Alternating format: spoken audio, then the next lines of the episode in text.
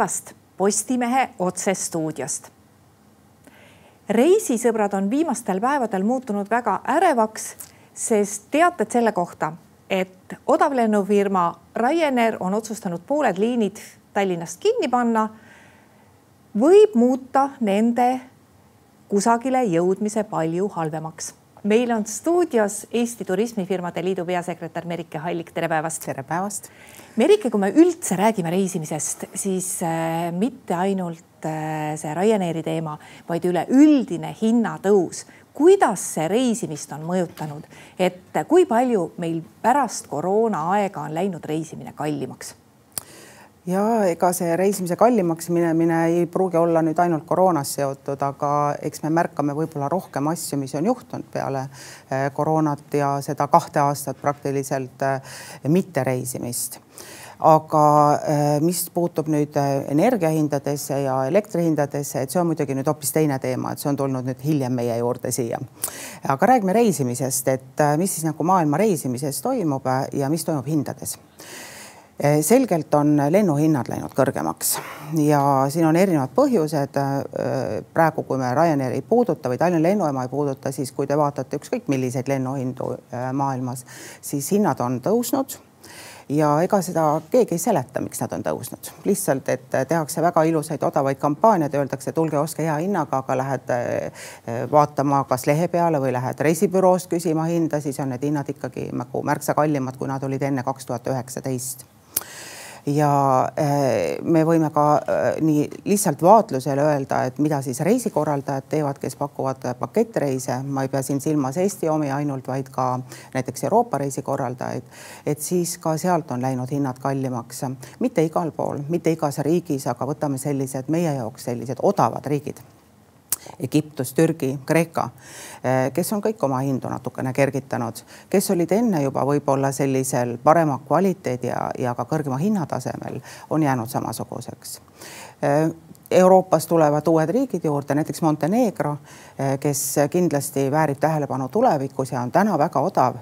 aga kui me näiteks, kui me võrdleme naaberriigi Horvaatiaga, et siis eh, tõenäoliselt ka järgmisel või ülejärgmisel aastal on ka Montenegro juba nii-öelda hinnatõusu teel. no lihtsalt ütleme sellise reisihuvilisena ja ise pileteid eh, otsiva inimesena mm -hmm. mulle tundub, et eh, kallimad piletid nüüd nagu proportsionaalselt nii palju kallimaks ei ole läinud, aga vot ära on kadunud eh, ja tõesti praktiliselt võimatu on leida neid väga odavaid pileteid, kus sa saad mm -hmm. ikkagi osta lennupileti seal alla viiekümne euro. noh, mida vanasti ju juhtus, seda ju praktiliselt vist enam ei leia, et see, see hinnatõus on nagu rohkem läinud ikkagi sinna madalama hinna klassi piletite hulka? jah, võib nii öelda küll, aga jälle, kui me, kui me nüüd vaatame Eestit, eks ole, et siis meie oleme ikkagi siin Euroopa Liidu ääremaal ja üldse nagu geograafiliselt viletsas kohas. et ega, ega meile on keeruline lennata või lausa pikk lennata see tee, et ära tasuks, nii nagu ka lennujaam viimastel päevadel on palju rääkinud sellest. aga samas jälle, kui me võtame näiteks Londoni, kus on viis lennujaama ja kus on praktiliselt ka äh, klassikalised lennukompaniid tegemas väga odavaid hindu ükskõik kuhu, näiteks Euroopasse.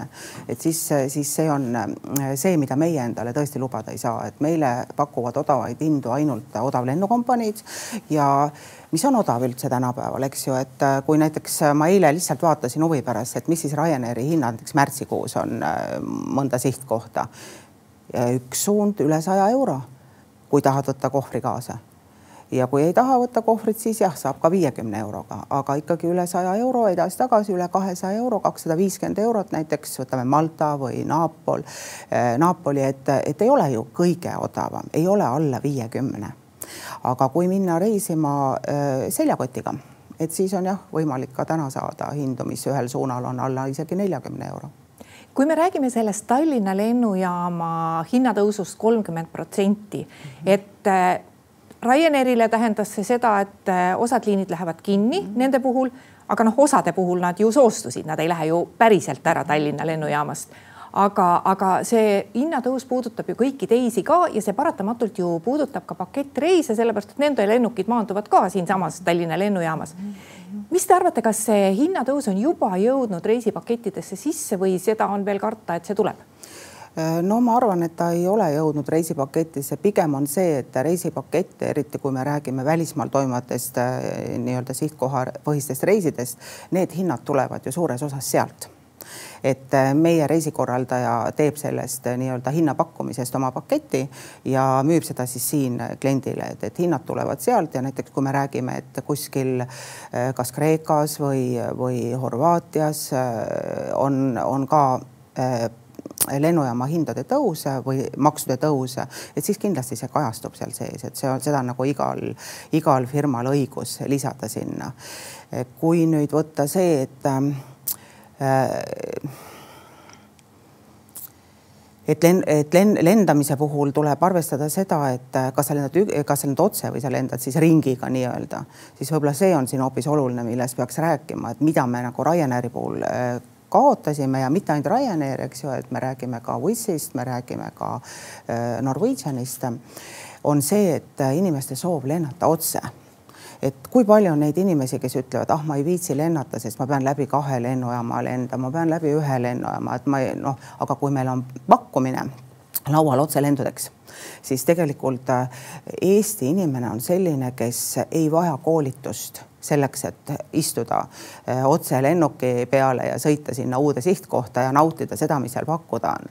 turism on ju tegelikult kultuurivahetus, see just, et sa õpid tundma teist riiki ja, ja ka tutvustad ennast.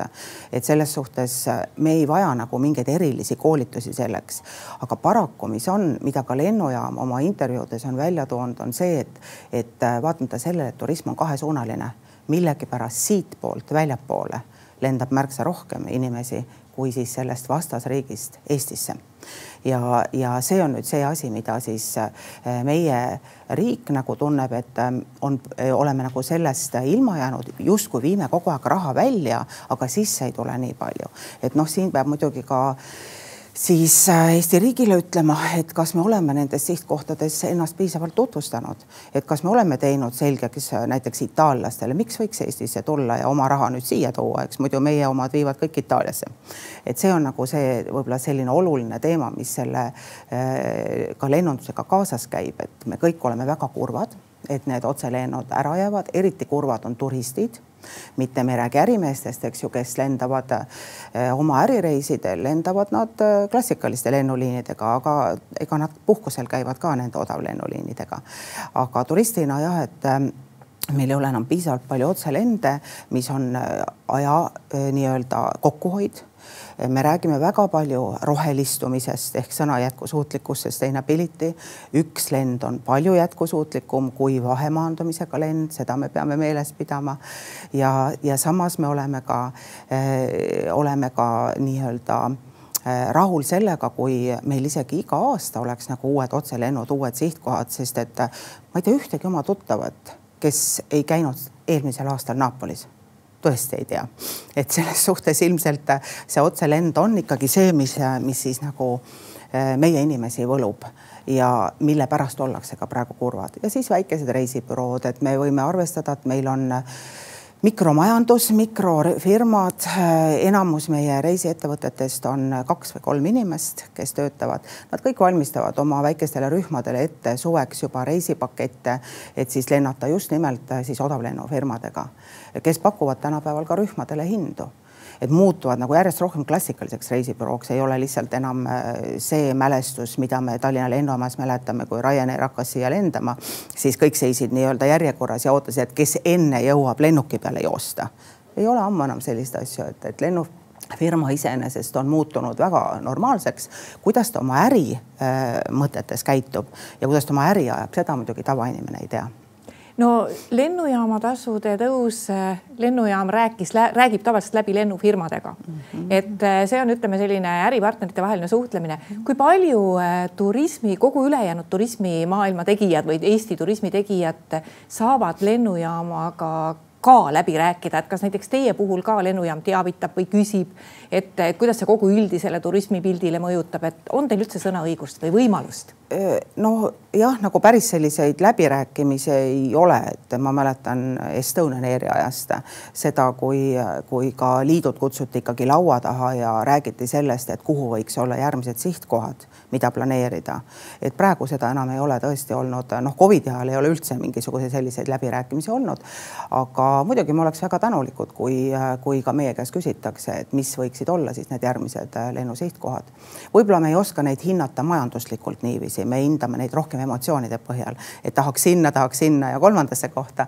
aga, aga ka see on, ma arvan, mingi indikaator, et äh, kuhu siis äh, Eesti inimene tahaks siis lõpuks äh, reisida või kuhu reisiettevõtted oleksid valmis tegema näiteks pakette või mingeid pakkumisi no ma tean, et teil tulevad täpsed Statistikaameti andmed turistide mm -hmm. kohta just nimelt homme aga kui rääkida nendest numbritest, mida te täna teate või, või sellest, mis on muu, juhtunud, ütleme viimase natuke vähem kui aasta jooksul, siis vaadates neid turiste, kes meile siia Eestisse tulevad, et mis meil nüüd pärast koroonat on juhtunud, et üks on selge, et Vene turisti siin ei ole ja Vene turisti ilmselt lähiajal ka ei tule.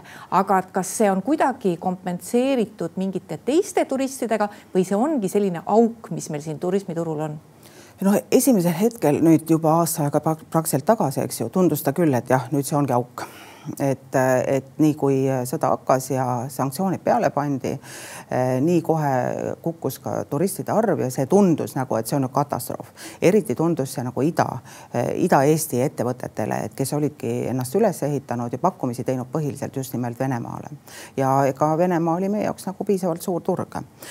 Samas jälle kõik kõik vähemalt ETFL-i liikmed olid absoluutselt ühel meelel, et äh, me ei teeninda Vene turisti ja me elame selle üle, et Vene turiste ei tule. Äh, juba praegu on paljud pöördunud näiteks Soome poole, et ka Ida-Eesti, et äh, miks mitte teha koostööd Ida-Soomes olevate reisiettevõtetega põhimõtteliselt mõlemad niisugusel äärealal, eks ju natukene, et miks mitte nagu äh, teha selliseid koostöösid.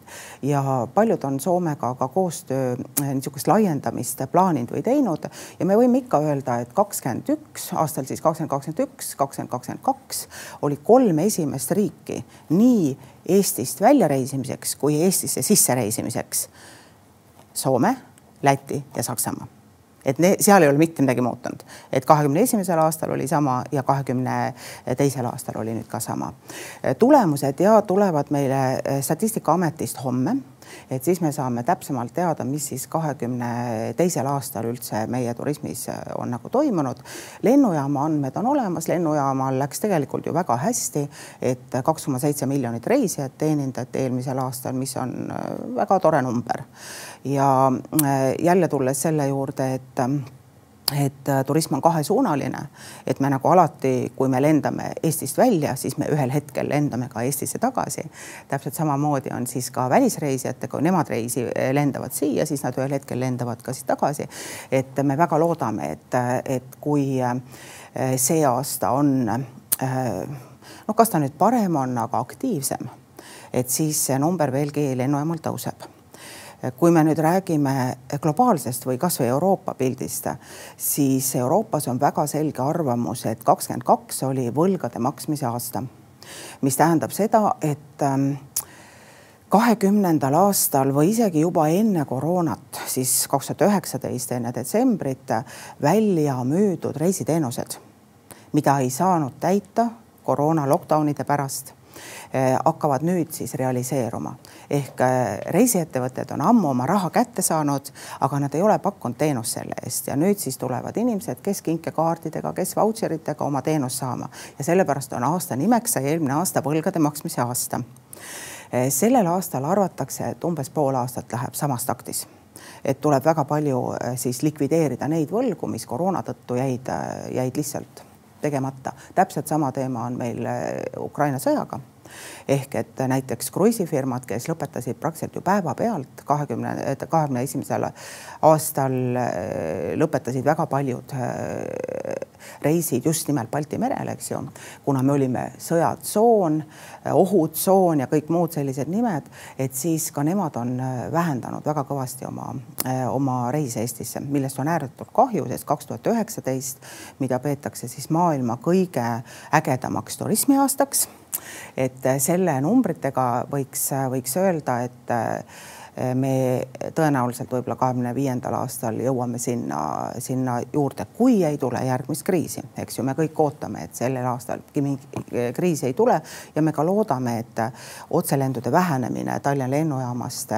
ei ole selleks nii-öelda minikriisiks, sest et kindlasti neid inimesi, kellel ei ole piisavalt äh, vahendeid, et käia mitu korda aastas kuskitel kaugetel eksootilistel reisidel. Äh, noh, ei pruugi saada nüüd ka enam kuskil lähemale minna, sest et lihtsalt pole, pole ühendusi. et me kindlasti nagu selles turismi mõttes nagu, nagu turistide mõttes me kindlasti kaotame siin praegu mis juhtus turismiettevõtete turul, ma mõtlen selles mõttes just nimelt seoses sõjaga ja seoses sellega, et osa ettevõtteid ikkagi läksid, mis olid Venemaaga seotud ja läksid Euroopa Liidu sanktsioonide alla. et kui palju meil selliseid tegijaid, kas üldse oli Eesti turul? Äh, no Eesti turul oli neid vähe, et äh, jälle võib-olla meie õnn see, et me oleme mikroettevõtete riik, et äh, meil on väga targad omanikud, kellel on oma väikesed reisiettevõtted või siis pakuvad mingit turismiteenust. et nad lihtsalt panid korraks uksed kinni, tegid mingid muud tööd elasid ära ja ei olnud midagi. mõned ettevõtted siiski läksid ka Eestis pankrotti, näiteks me võime siin nimetada Flight to Canarias, mis oli tegelikult äh, Hispaania ettevõte, aga mida siis ka Eestis oli võimalik äh, nii-öelda reisiteenusena kasutada, osta siis pakette Hispaaniasse just Tenerifele. Äh, ja siis sanktsioonide tõttu pani uksed kinni TUI, sest TUI, TUI omanik oli Vene kodanik ja ka sanktsioonide all olev kodanik nii et nemad ei saanud siin enam edasi toimetada. et need võib-olla on sellised põhilised, mida tasub äh, mainida. aga kui me mõtleme äh, kasvõi Euroopas või maailmas, näiteks lennunduses siis me räägime ikkagi äh, kümnetest ja kümnetest pankrottidest ja noh, pankrotiprotsess on niisugune võib-olla mitmeaastane, eks ole, kuni lõpuks ta siis välja kuulutatakse. aga tuleb ka öelda, et ähm, Äh, paljud riigid panid õla alla oma lennufirmadele ja sõna otseses mõttes maksid miljardeid eurosid selleks, et oma lennufirmasid päästa võtame siin Lufthansa näiteks, äh, KLM, Air France, äh, kõik need olid, on nagu riigi toetust saanud, mis siis tähendab ka seda, et, et noh, nad peavad nüüd sellest siis välja tulema vastavalt reeglitele. no juba homme on meil üle kolme aasta jälle algamas Tuurest mis on väga pika traditsiooniga ja väga-väga mhm. vana selline turismimess. ja kui nüüd tänapäeval, kus inimesed kõiki asju ju praktiliselt broneerivad eh, online ja kodus enamus reise tõenäoliselt ostetakse kodus oma arvutist ära. et kas te usute, et ikka selline huvi on tulla messile, ajada juttu selle turismifirma esindajaga, mhm. küsida temalt otse, sest siiamaani on ju elu näidanud, et tegelikult Tuur Eesti messid on väga ülerahvastatud mm -hmm. olnud, seal on väga palju inimesi käinud. et, et kas see, kas see selline huvi on ikkagi veel jätkuv, et teil on mõtet seda messi korraldada? no ma ütleks selle peale, et kõigepealt ma väga loodan, et enamus inimesi ei tee oma reise online'is, sellepärast eriti nüüd peale koroonat, kus on nii tohutult palju uusi reegleid tulnud. ehk et äh, ka väga paljud inimesed on vastu näppe saanud sellega, et nad on noh, lihtsalt ei osata lugeda reegleid ja, ja on valesti midagi broneerinud. et äh, ikkagi pöördutakse reisiettevõtete poole, usaldatakse nende töötajaid, sellepärast äh, lõppude lõpuks nemad ongi need, kes on õppinud seda reisinõustamist, on õppinud äh, alates geograafiast kuni sanktsioonideni välja, et missugused võimalused kuhugi reisida on, et kui me näiteks täna võtame, et me kõik räägime kogu aeg, et eh, reisipiiranguid ei ole enam. aga tegelikult saja üheksas riigis maailmas on olemas piirangud me lihtsalt ei näe neid, me peame oskama neid leida, lugeda, et mis need piirangud siis on. et ei ole üldse mitte, mitte võõras, et äh, ostetakse endale kiiruga USA piletid ja siis tuleb välja, et vaktsineeritud need inimesed ei ole. USA võtab vastu ainult vaktsineeritud inimesi siiani ja kõik need reeglid muutuvad nii tohutult kiiresti, et noh, see iga hommiku pead minema vaatama, mis toimub. et usaldada ei saa midagi ja kõikide reeglite juures on ka see, et igal riigil on õigus üleöö oma reegleid muuta, et ma istun lennukis, peaksin pidin jõudma Taisse, eks ole, hommikuks, aga vahepeal on muutunud reeglid et selles suhtes igal juhul tasub väga ettevaatlikult oma reise broneerida ja tasub kindlasti ikkagi ka küsida nõu ja broneerida oma piletid reisiettevõtetest. miks me tuuresti teeme? kolmkümmend aastat juba, eks kaks aastat on nüüd vahele jäänud eh, just koroonaga seoses ja nüüd on siis kolmekümnes mess, esimene oli aastal tuhat üheksasada üheksakümmend üks teemegi selleks, et viia kokku toodete pakkujad ja reisijad sest mina olen küll nagu ise üle kolmekümne aasta turismis töötades ütleks küll, et, et noh, et ega ma ka lõpuni äh, ei usalda seda, mida ma nagu iga riigi kohta, iga hotelli kohta pildi pealt näen et ma ikkagi teen nagu mingit tööd, kas ise või küsin siis professionaali käest nõu. näiteks kasvõi läheme äh, reisikorralduse firma reisidega kuhugi äh, väga lihtsasse kohta a la Kreekasse, Egiptusesse, eks ole, Tenerifele. et ikka tahaks nagu teada, et kuule, et kas see hotell seal pildi peal ikka on nüüd siis selline nagu, nagu ta siin on või on natuke midagi, mida ma peaksin teadma. et, ähm, et selles suhtes alati on silmavaade inimesele kes sinule midagi räägib ja lubab ja, ja, ja ütleb, et jah, see on, on parem kui see, et ma vaatan lihtsalt tuimalt ekraanipilti no kindlasti on kohal ka väga palju Eesti tegijaid ja vot eh, me ei olegi üldse rääkinud, et eh, kuidas meil Eesti oma tegijatel pärast seda koroonat on läinud, et eh, ma mäletan küll, et koroona ajal me ju ka väga palju küsisime just meie ajakirjanikud, teie turismiinimeste käest, et kuidas on ja ühel hetkel oli pilt ikkagi hästi masendav. arvati, et need, kes ennast on ajutiselt kinni pannud ja tööjõu lahti lasknud, et nad ei pruugi uuesti leida inimesi, kui on taas tööle vaja hakata. no viimane aasta ju tegelikult suvest saati vähemalt on näidanud, et reisimine on aktiivseks läinud ja tegelikult ka reisibürood on pidanud väga palju inimesi tagasi palkama. et kuidas neil läinud on, et kui suured need kaod on ja kes ikka üldse ellu ei jäänud? vaat ma mõtlen just nendest Eesti tegijatest ja, ja ka väikestest turismitalupidajatest või elati üldiselt see aeg üle? Ja me peame jälle vaatama natuke eraldi siin, et kui me vaatame seda nii-öelda hospitality või külalislahkuse sektorit, eks ju, mis on siis toitlustamine ja majutamine, et nendel olid need probleemid väga-väga tõsised.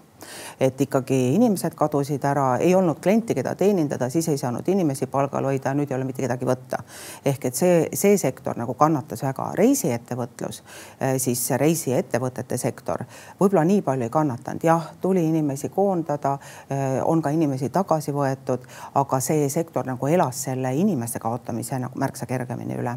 ja siis need väikesed ettevõtted, eks ju, kes nagu ma ennegi juba mainisin, väga teadlikult toimetasid ja panid oma ukse võib-olla kinni, vastasid ainult kliendi küsimustele, aga tegid mingit muud tööd ka samal ajal et äh, kui me nüüd äh, vaatame nagu võib-olla numbriliselt, siis äh, kuni eelmise aasta kevadeni ei olnud äh, ei olnud nagu siseturismi pakkuvatel ettevõtetel mingit probleemi. ehk et kõik toimis väga hästi, äh, sest äh, igasuguseid äh, reisitingimusi hakati muutma ju kahekümne esimese aasta sügisest, aga väga paljud igasugused keelud läksid maha kahekümne teise aasta kevadel.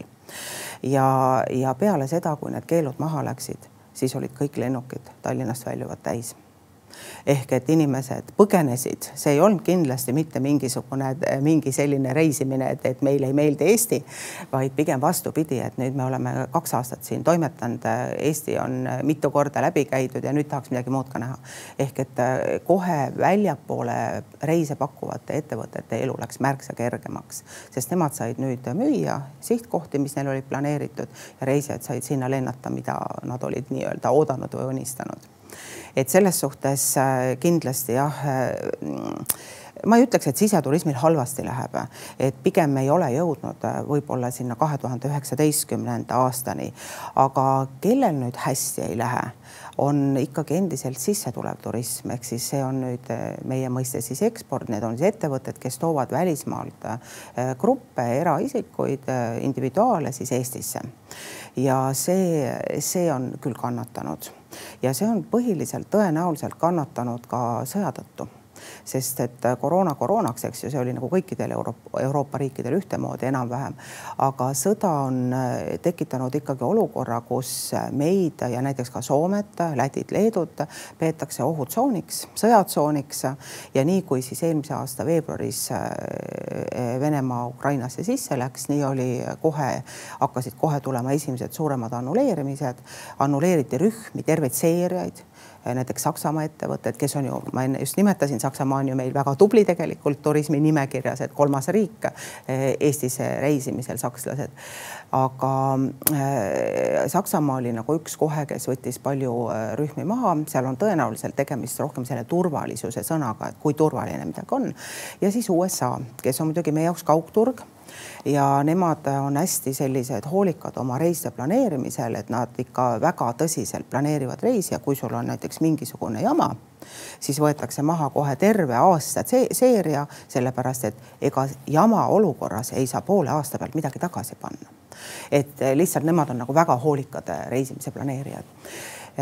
aga me võiksime öelda, et et outbound ehk siis väljaminev turism ja siseturism ehk siis see, mida me siinsamas kodus teeme, on tegelikult ikkagi praegu kasvutendentsis ja ma usun küll, et kui mitte selle aasta lõpus, siis järgmise aasta lõpus me oleme ikka seal kakskümmend üheksateist numbrite juures.